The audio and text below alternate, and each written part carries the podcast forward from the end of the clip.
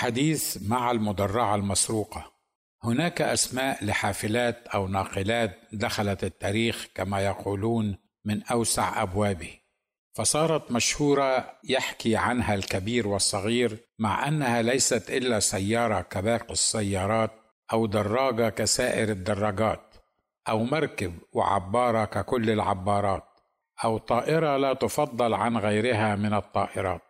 لكن السر ليس فيها في حد ذاتها بل في من كان يستخدمها أو الحادثة التي وقعت فيها أو لها أو في نهايتها حزينة كانت أم مفرحة في لحظة من الزمان.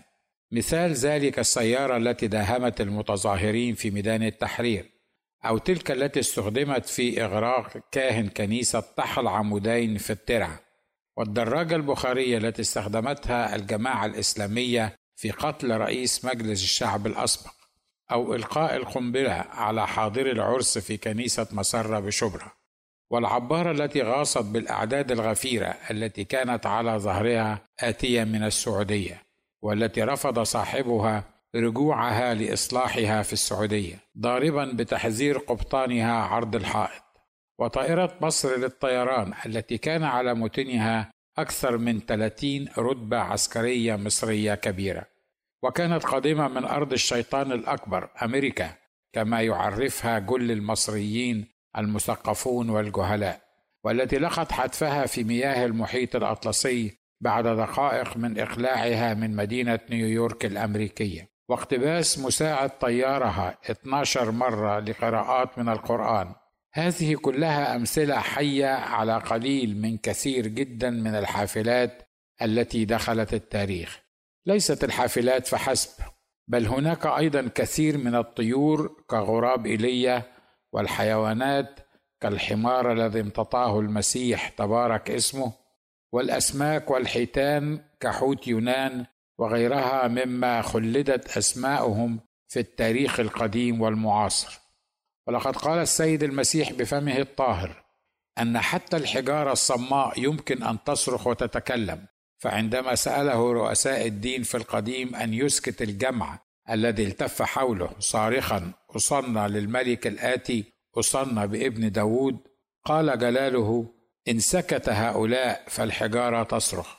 وقد علمنا تبارك اسمه أنه يمكننا أن نسأل حتى البهائم فتعلمنا. ويحدثنا سمك البحر عندما تثقل أذاننا عن السمع لصوت الحق وتتوقف عقولنا عن الفهم عندما نصر على عنادنا وكبريائنا والسير في طرقنا الرديئة. لذا عندما رأيت المدرعة العسكرية المسروقة حسب رواية قادة الجيش المصري تجري كالمجنونة من انفلات زمام التحكم فيها قلت لنفسي ماذا لو استطاعت هذه العرب المدرعة أن تروي لنا القصة الحقيقية لما حدث في مسبيرو؟ وتركت العنان لنفسي لأجري معها حديث التالي. وجدتها مهجورة مجروحة مخضبة بالدماء. تجلس في صمت وكأنها عجوز تتأمل في حوادث أيامها الخوالي. لكنها تبدو في حيرة واشمئزاز مما جرى لها. اقتربت منها الصمت يخيم عليها مع أن الضوضاء تحيط بها. على عيونها الأمامية وجدت قطرات مياه متساقطة وكأنها تبكي في صمت ولم تكن قادرة على التوقف عن البكاء أو حتى مسح دموعها. اقتربت منها متسائلا لست أدري إن كان من المفروض أن أهنئك أم أعزيك في هذا الوقت وبعد كل ما جرى لك في مسبيره. لم ترفع المدرعة رأسها وما تحركت. لكنها قالت بصوت لا تسمعه الأذن بل القلب على ما تهنئني.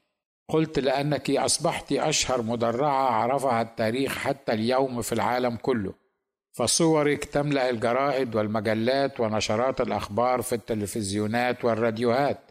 ويتحدث عنك القادة والساسة والملوك والبرلمانات في بلاد الأحباء والأعداء.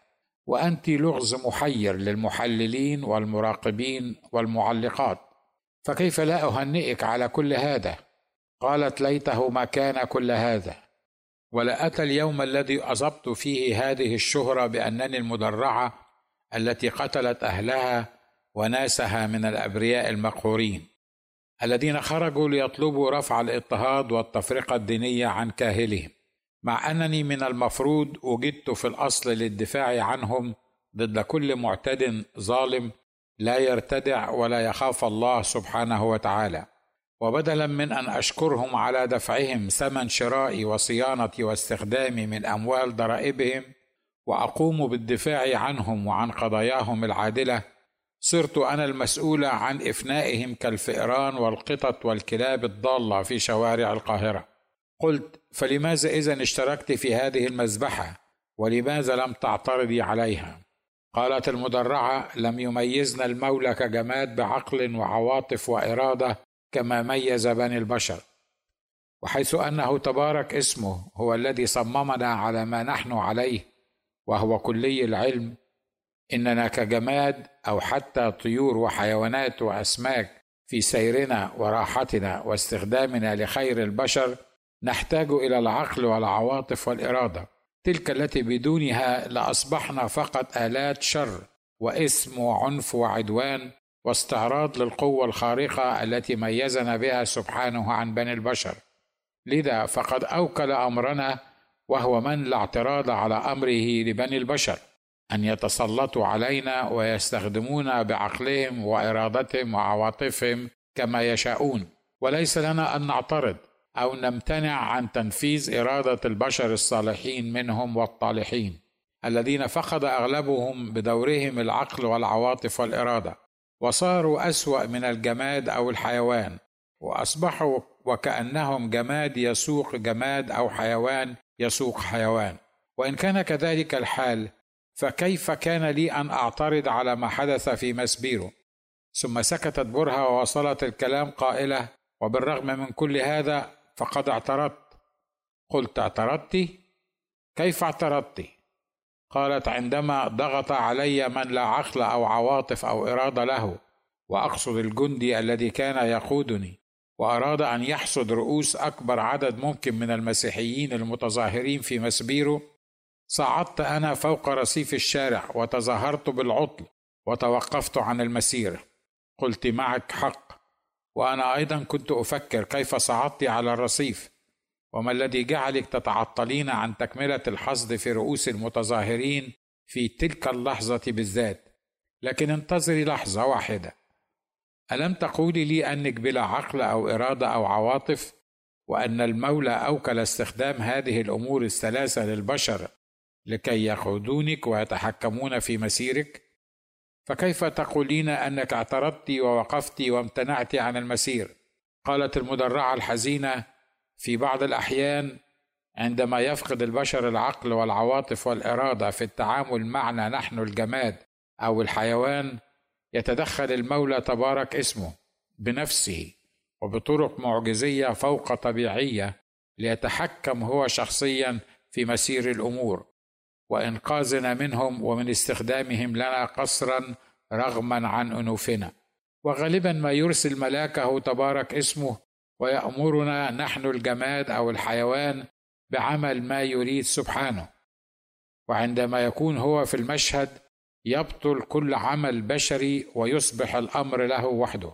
والجماد والحيوان وغيره لا يطيع إلا إياه ولا يعير أي أوامر من البشر التفاتا. فهو فعال لما يريد. صمت إلى لحظة مفكرا في كلام هذه المدرعة وحكمتها وقلت لها وما أدراني بصحة ما تقولين فهل تشهدين أمام الله أنك رأيت ملاك المولى تبارك اسمه؟ أو الله نفسه سبحانه هو الذي أوقفك عن المسير وقتل المزيد من المسيحيين؟ أجابت المدرعة ليس من المهم أن يرى الجماد أو الحيوان أو الأسماك الملاك أو الله نفسه ظاهرا لهم امرا إياهم بتنفيذ أوامره. فنحن الخلائق الأخرى عدا الإنسان لا نشك في قدرة الله سبحانه ولا نعصى أوامره ولا نحتاج إلى المنظور لنرى ونؤمن ونطيع كبني البشر. قلت وكيف أصدق أن الله له المجد أو ملاكه هو الذي أوقفك وأصابك بالعطب. هل لديك دليل على هذا أو قصة أو حدث تشاركيه معي حتى أصدق ما تقولين؟ قالت المدرعة في عالم الجماد ألم يسقط تمثال داجون في القديم أمام تابوت عهد الرب وانكسرت رأسه؟ قلت نعم. قالت ألم يرى حمار العراف بالعام في القديم ملاك الله وهو مستل السيف وواقف قبالته حتى أنه برك تحت العراف. قلت نعم. قالت ألم يفتح الرب فم الحمار ووبخ العراف ومنع حماقته؟ فلو كان المولى تبارك اسمه في مشيئته قد فتح فمي كما فتح فم الحمار بالعام وأنا في قلب الأحداث في مسبيرو لكنت قد تكلمت بأعلى صوتي ولكنت قد صرخت بكل قوتي واعترضت بصوت مسموع على ما يحدث من فظائع ضد المسيحيين في مصر. ولافشيت بكل الأسرار عن الاستعدادات والأوامر التي يتلقاها المجندون عند التعامل مع المسيحيين المتظاهرين والتي طالما سمعناها نحن الجماد يوما بعد يوم وحادثة بعد حادثة. ألم يقل الكتاب المقدس في سفر الجامعة لا تسب الملك ولا في فكرك ولا تسب الغني في مضجعك لأن طير السماء ينقل الصوت وذو الجناح يخبر بالأمر. سكتت المدرعة ثم قالت هل تكفي هذه الأمثلة أم تريد المزيد؟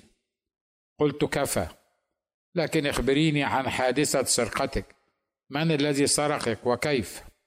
ومتى وما هي الأسباب التي أدت لسرقتك؟ قالت المدرعة اية سرقة هذه التي تتحدث عنها؟ قلت العالم كله يناديك بالمدرعة المسروقة. الست انت المدرعة المسروقة؟ ضحكت المدرعة بأعلى صوتها وقالت نعم شر البلية ما يضحك.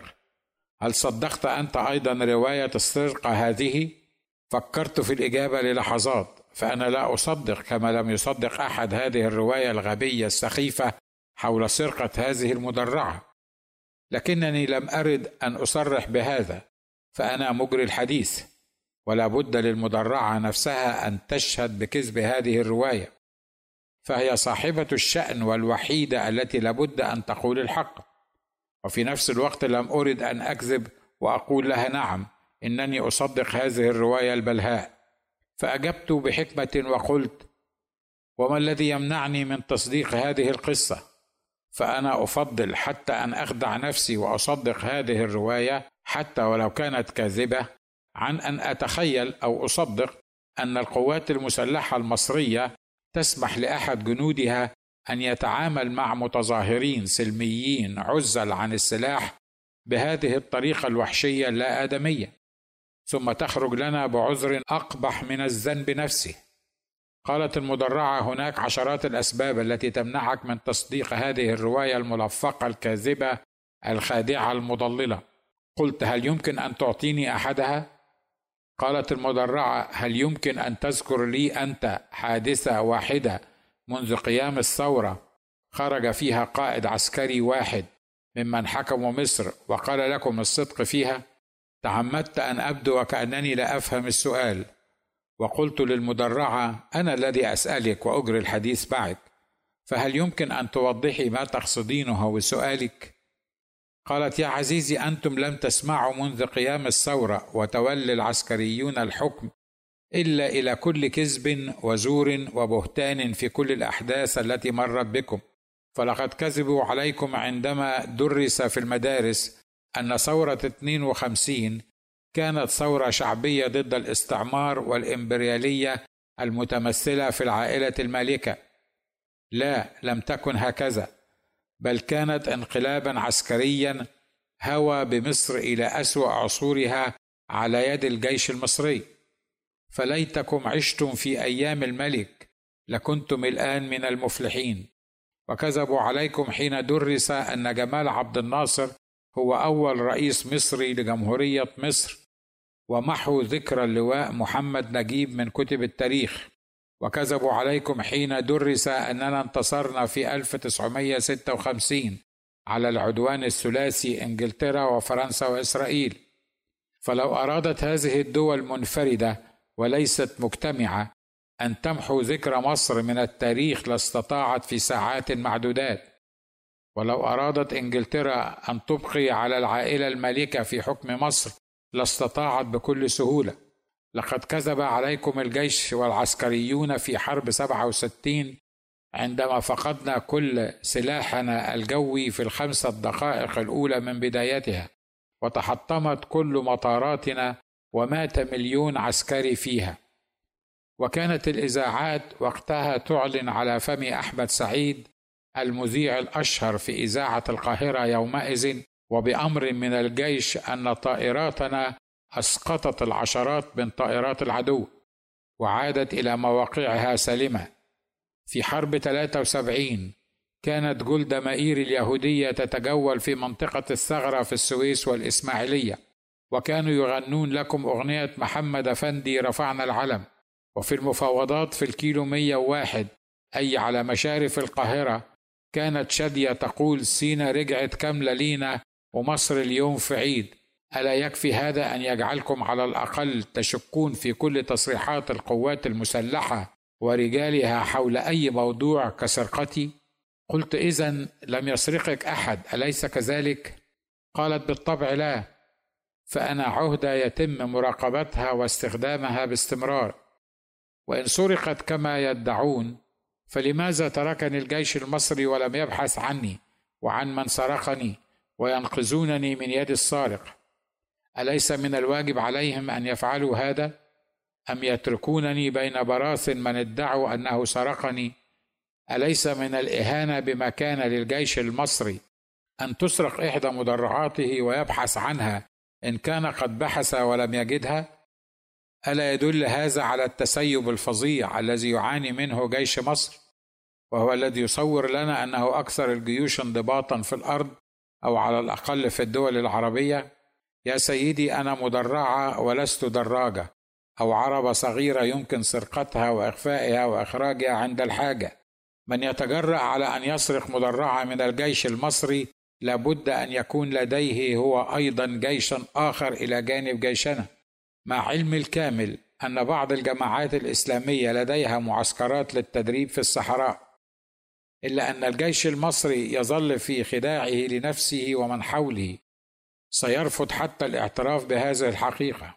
يا سيدي إن مباحث أمن الدولة كانت تعرف كل صغيرة وكبيرة عن مصر. تعرف أين يسكن متنصر واحد مختفي بين الناس. وكانت تذيقه ألوان العذاب. فكيف اختفى عنها مكاني لو كنت قد سرقت؟ وإن ادعوا أن السرقة حدثت بعد ثورة يناير من العام الحالي. فأين المخابرات والشرطة العسكرية؟ أم أن قائد الوحدة العسكرية التي أخدم بها كمدرعة قد تواطأ مع العسكري المكلف بحراستي مع المخابرات العسكرية والشرطة العسكرية حتى تتم سرقتي ويستخدمني سائقة في ضرب المسيحيين في مسبيرو سكتت المدرعة برهة وقالت ألم أقل لك أن شر البلية ما يضحك؟ قلت اذا إن لم تكوني قد سرقت فلماذا ادعى قادة الجيش هذا الادعاء الفاضح؟ قالت لأن العسكريين عادة لا يفهمون في السياسة ومن كثرة إصدارهم للأوامر التي لا ترد ولا تستبدل يظنون أنهم أصحاب الكلمة الأولى والأخيرة في كل مناقشة أو موضوع يتناولونه فهم يعيشون في مجتمع مغلق مبني على القوة والأوامر والخضوع للأوامر دون مجادلة أو مناقشة. ولا يمكنهم أن يغيروا جلدهم بعد سنين هذه عددها لذا فعندما يوكلون على اتخاذ قرارات أو يواجهون تحديات في المجتمع المدني يتعاملون معها بنفس العنجهيه العسكرية المعتادة دون حساب للعواقب والتداعيات. وأيضا كما قلت لك قبلا لأنهم تعودوا الكذب والكذاب عادة لا يحسب النتائج أو التداعيات. ولا يفكر إلا في حل المشكلة الراهنة. غير عالم إن حل هذه المشكلة بالكذب لا بد له أن يخلق مشاكل أكبر. إن لم يكن في المستقبل القريب يكون في البعيد. أما السبب الثالث فهو لعلم القادة والمسؤولين العسكريين والمدنيين من التاريخ القريب والبعيد أن المسيحيين فئة منقسمة على ذاتها. ليس عليهم أن يعملوا لهم حسابا. فعددهم أقل بكثير من المسلمين وهم بلا قائد سياسي يوحد كلمتهم وصفوفهم في مواجهة كل من يعتدي عليهم. وقد غذتهم الكنيسة بروح الاستسلام والتدين المزيف والخوف والخنوع. وليس لهم من تاريخ مشرف في الوقوف ضد المعتدي عليهم ظنين أن الله ملزم أن يدافع عنهم وهم صامتون. وهم لا يعلمون أن المولى قال هذا لشعبه اليهود مرة واحدة. وسألهم عشرات المرات أن يذهبوا ويحاربوا المعتدي لكي يستطيع أن يدافع عنهم وينصرهم. قلت لنفسي هذه المدرعة غير المسروقة بناء على كل ما تقدم لها من الحكمة ما يجعل صوتها يسمع في كل العالم حتى لو لم تستطع الكلام بصوت مسموع لنا نحن البشر. سألتها قولي لي أيتها المدرعة بصفتك كنت في قلب الأحداث. هل ترين أن للمسيحيين الحق في التظاهر والمطالبة بحقوقهم كما فعلوا في مسبيرو حتى لو قتلوا واستشهدوا قالت المدرعة للإجابة على سؤالك هذا أقول أن للاخباط الحق كل الحق من حيث المبدأ أن يتظاهروا ويعترضوا ويخرجوا في مسيرات سلمية كما فعلوا في مسبيرو. هذا من حيث المبدأ. أما من حيث طريقة التطبيق العملي فقد أخطأوا في كثير من النقاط. قلت للمدرعة لا تنسي أنني قبطي وواحد من المصريين. فكيف تقولين أنهم أخطأوا؟ ثم هل يمكن أن تعددي لي نقاط خطأهم في مظاهرات مسبيرو؟ قالت المدرعة لماذا يحمل الأقباط الصليب وهم يدافعون عن حقوقهم المدنية؟ ما موقع الصليب من المظاهرة؟ قلت وما الخطأ في حمل الصليب؟ فهو لتوضيح الهوية المسيحية للمتظاهرين. قالت لا خطأ في حمل الصليب في أي مناسبة لتحديد الهوية. لكن في مظاهرات كهذه يكمن الخطأ في أن المسيحيين يظهرون في الصورة وكأنها معركة حول الصليب مع أن رسالة الصليب كانت للسلم والمحبة والغفران. وهذا يجعل المسلمين يرون أنها ليست مظاهرة سلمية للمطالبة بحقوق مدنية إنسانية بل يرونها معركة صليبية لابد من التصدي لها ودحرها ولعل هذا هو ما دفع المذيعة التلفزيونية إلى أن تحث المسلمين على الخروج للتصدي للصليبيين حتى لا ينتصروا على المسلمين. فالمسلمون لا يؤمنون بصليب المسيح. ولا بقضية الصلب. ويعتبرون الصليب جهالة وقضية رفضها القرآن والرسول. فمنظر الصليب يحفزهم على العراق وإثبات من هو الغالب والمغلوب. قلت وماذا بعد؟ قالت ورفع الصليب في المظاهرات يجعل المثقفين والحقوقيين المتحمسين للدفاع عن القضية القبطية يحجمون عن الاشتراك في مظاهرة إن كان شعارها الصليب. ثم سالتني المدرعة ماذا لو خرج المسلمون في مظاهرة سلمية وقد رفعوا القرآن في أيديهم معلنين أن الإسلام هو الحل؟ فهل كنت ستخرج معهم تحت راية القرآن؟ قلت لا ليس بإمكان مشاركة في ظل هذه الشروط. قالت خطأ آخر هو أن يخرج المسيحيون لمظاهرة دون قيادة واضحة توحد كلمتهم ومطالبهم وحتى شعاراتهم وترانيمهم التي يرددونها دون أن يفهموا تأثيرها على السامعين مما يدفع بعضهم لينادي بشيء والآخرون بشيء ثاني وثالث ورابع إلى آخره. قلت ماذا تقصدين بالترانيم ومدى تأثيرها على السامعين؟ قالت المدرعة لقد كنت هناك عندما بدأت جوقه المرنمين المسيحيين يرنمون في ميدان التحرير وقت الثورة في شهر يناير الماضي. بدأت الترنيمات بكلمات وموسيقى وألحان ألهبت حناجر كل الحاضرين واشتركوا جميعا مسيحيين ومسلمين في ترديدها كترنيمة بارك بلادي. قلت هذا رائع وعظيم. قالت وفجأة بدأ المرنم القائد على المسرح في ترديده ترنيمة الأرض دي ملكك يا ابن الله أنت الساكن فيها. فبدأ المسلمون في الهمهمة ثم علت أصواتهم باعتراض على الكلمات ثم رحلوا ولم تفلح محاولة المرنم بعد هذا وهتافه إيد وحده إيد وحده أن تعيد الناس إلى مكانهم. فأنتم والمسلمون لستم إيد وحده ولم تكونوا يوما من الأيام ولن تكونوا إلى الأبد عندما تتعلق المسألة بالصليب أو ابن الله وغيرها من الموضوعات المختلف عليها. ثم أكملت المدرعة الحديث وقالت عند هذا المشهد سألت نفسي من هو الكبير للمسيحيين حتى يعلمهم ما يقولون وما لا يقولون على مسرح الترنيم أو يمسكون أو لا يمسكون من لافتات وما يرفعون من شعارات وهتافات. فهل أعد قائد الترنيم هذه الترنيمه قبل صعوده على المسرح؟ هل تناقش فيها مع قائده؟ إن كان له قائد من الأصل وبحث وأخذ الرأي والرأي الآخر فيما يرنم للمسيحيين والمسلمين في ميدان التحرير. قلت لها معك حق نحن نفتقد للكبير الذي يوجه الكل بحكمة ويلزم الكل على طاعته في تنظيم الصفوف. لكن دعيني أسألك سؤالا آخر وهو في رأيك ما هو السبب الحقيقي وراء ما حدث في مسبيرو؟ قالت السبب هو الكراهية التي توطدت بين المسلمين والمسيحيين وتاريخها المرير. فالأمر اليوم قد أصبح من سيغلب من؟ من سيحكم من؟ من سيقهر من؟ ويقتل من؟ قلت هل تدخل الأمريكان وموضوع الحماية الدولية يمكن أن يحل هذه المشكلة بين المسيحيين والمسلمين؟ ضحكت المدرعة وقالت وجود الأمريكان في المشهد سيزيد الطين بلة فالمسلمون يكرهون الأمريكان بكل قلوبهم وحيث أنهم أضعف من أن يصيبونهم بأذى وخاصة بعد ما حدث في 11 سبتمبر لأمريكا على يد الإسلاميين وبعد توالي خلع وقتل القادة والرؤساء العرب بدءا بصدام حسين والقذافي وابن لادن بواسطة الأمريكان أصبحت أمريكا بؤرة الفساد والواجب الجهاد ضدها.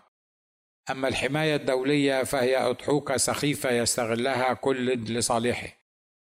فالمسيحيون بعضهم يستغلها كوسيلة لإظهار الضيق والمرارة ضد المسلمين وبعضهم برفضهم المتشدد لفكرة الحماية الدولية يظن أنه يتقرب من المسلمين ويظهر وطنيته المزيفة للرؤساء وأولي الأمر منا. والبعض الآخر يصر على رفضها لعلمهم أنها مجرد كلام ليس إلا وأن الدول قريبها وبعيدها لن توافق من الأصل على هذه الفكرة. والمسلمون يستغلونها في تشويه صورة المسيحيين وفي تأكيد وصفهم للمسيحيين بأنهم ليسوا أهل البلاد بل هم رعايا ليس إلا. وغيرها الكثير من أسباب الرفض أو القبول لهذه الفكرة. قلت للمدرعة ما هي الرسالة التي تريدين توجيهها للمسيحيين في مصر؟ قالت اولا هذه ليست المرة الأولى التي حدث فيها مثل هذا الاعتداء عليكم ولن تكون الأخيرة. ثانيا لن يحترمكم أو يخاف منكم الجيش والحكومة والمسلمون. ما دمتم منقسمين على ذواتكم وبلا كلمة أو رأي موحد أو كبير يسير أمامكم. ثالثا الصراخ لله والصوم والصلاة وحدها مع علمي بأهميتها القصوى لكنها لا تكفي لحل مشاكلكم. فأنتم مسؤولون عن الأجيال القادمة. فحاربوا وقفوا في الثغر عنهم ولأجلهم. رابعا لم يكن مسيحكم جبانا أو خائفا فلا تجبنوا فهو يقول للشيء كن فيكون. وهو يحيي الموتى ويدعو الأشياء غير الموجودة كأنها موجودة. خامسا ليس كل من دهس تحت عجلات شهيد فلا تقلدوا المسلمين بلا فهم. فالشهيد في المسيحية هو من مات شاهدا على الرب يسوع وهو من سكن المسيح بحياته ومن ضمن الأبدية السعيدة بسبب قبوله للمسيح مخلصا شخصيا له. ولذا فقد مات شهيدا وليس له من مكافأة في الأرض أو السماء بل الشهادة نفسها هي مكافأته وسرعة مقابلته للسيد المسيح قائما عن يمين العظمة في الأعالي هي مكافأته. فهو مات شهيدا لأنه ضامنا للسماء وليس ضمن السماء لأنه مات شهيدا. وأنتم أيها المسيحيون تعلمون هذا كله أكثر مني. أما الشهداء في الإسلام هم من اشتروا الجنة بشهادتهم ومكافآتهم حور عين وأولاد مخلدون وجنات تجري من تحتها الأنهار فمن مات بالطاعون فهو شهيد ومن مات محروق فهو شهيد ومن مات تحت ردم أو في الحرب في سبيل الله فهو شهيد ومن مات بالمغص الكلوي أي ذات الجنب فهو شهيد والمرأة التي تصبر على جور زوجها وتموت فهي شهيدة. ومن ماتت وهي حامل ليس من سفاح فهي شهيدة. قلت للمدرعة كفى. وماذا تقولين للمسلمين في مصر؟ قالت أقول لهم أنني كنت في العرض العسكري ورأيت السادات يموت مخرما بعد اعتدائه على كنيسة الله. وطال بي العمر لأرى صدام حسين يشنق بعد صدور الرزنامة المسيحية التي كتب فيها من جانب قال السيد المسيح ومن الجانب الآخر قال صدام حسين. وزميلاتي وأنا كنا في حوادث الاعتداء على المسيحيين أيام مبارك وقبل أن يحضر على سرير للمحاكمة. ولي أصدقاء في ليبيا قلنا لي عن موت القذافي الذي دعا الرؤساء العرب لاتخاذ موقف متشدد ضد المسيحيين العرب. ومراجعة أمر بناء الكنائس في البلاد العربية. واليوم كل هؤلاء في خبر كان.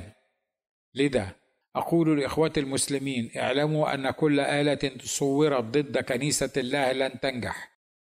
وكل لسان يقوم عليها في القضاء يحكم عليه. فتوبوا وارجعوا لتمحى خطاياكم وتأتي أزمنة الفرج من عند الرب. اللهم إني قد أبلغت اللهم فاشهد.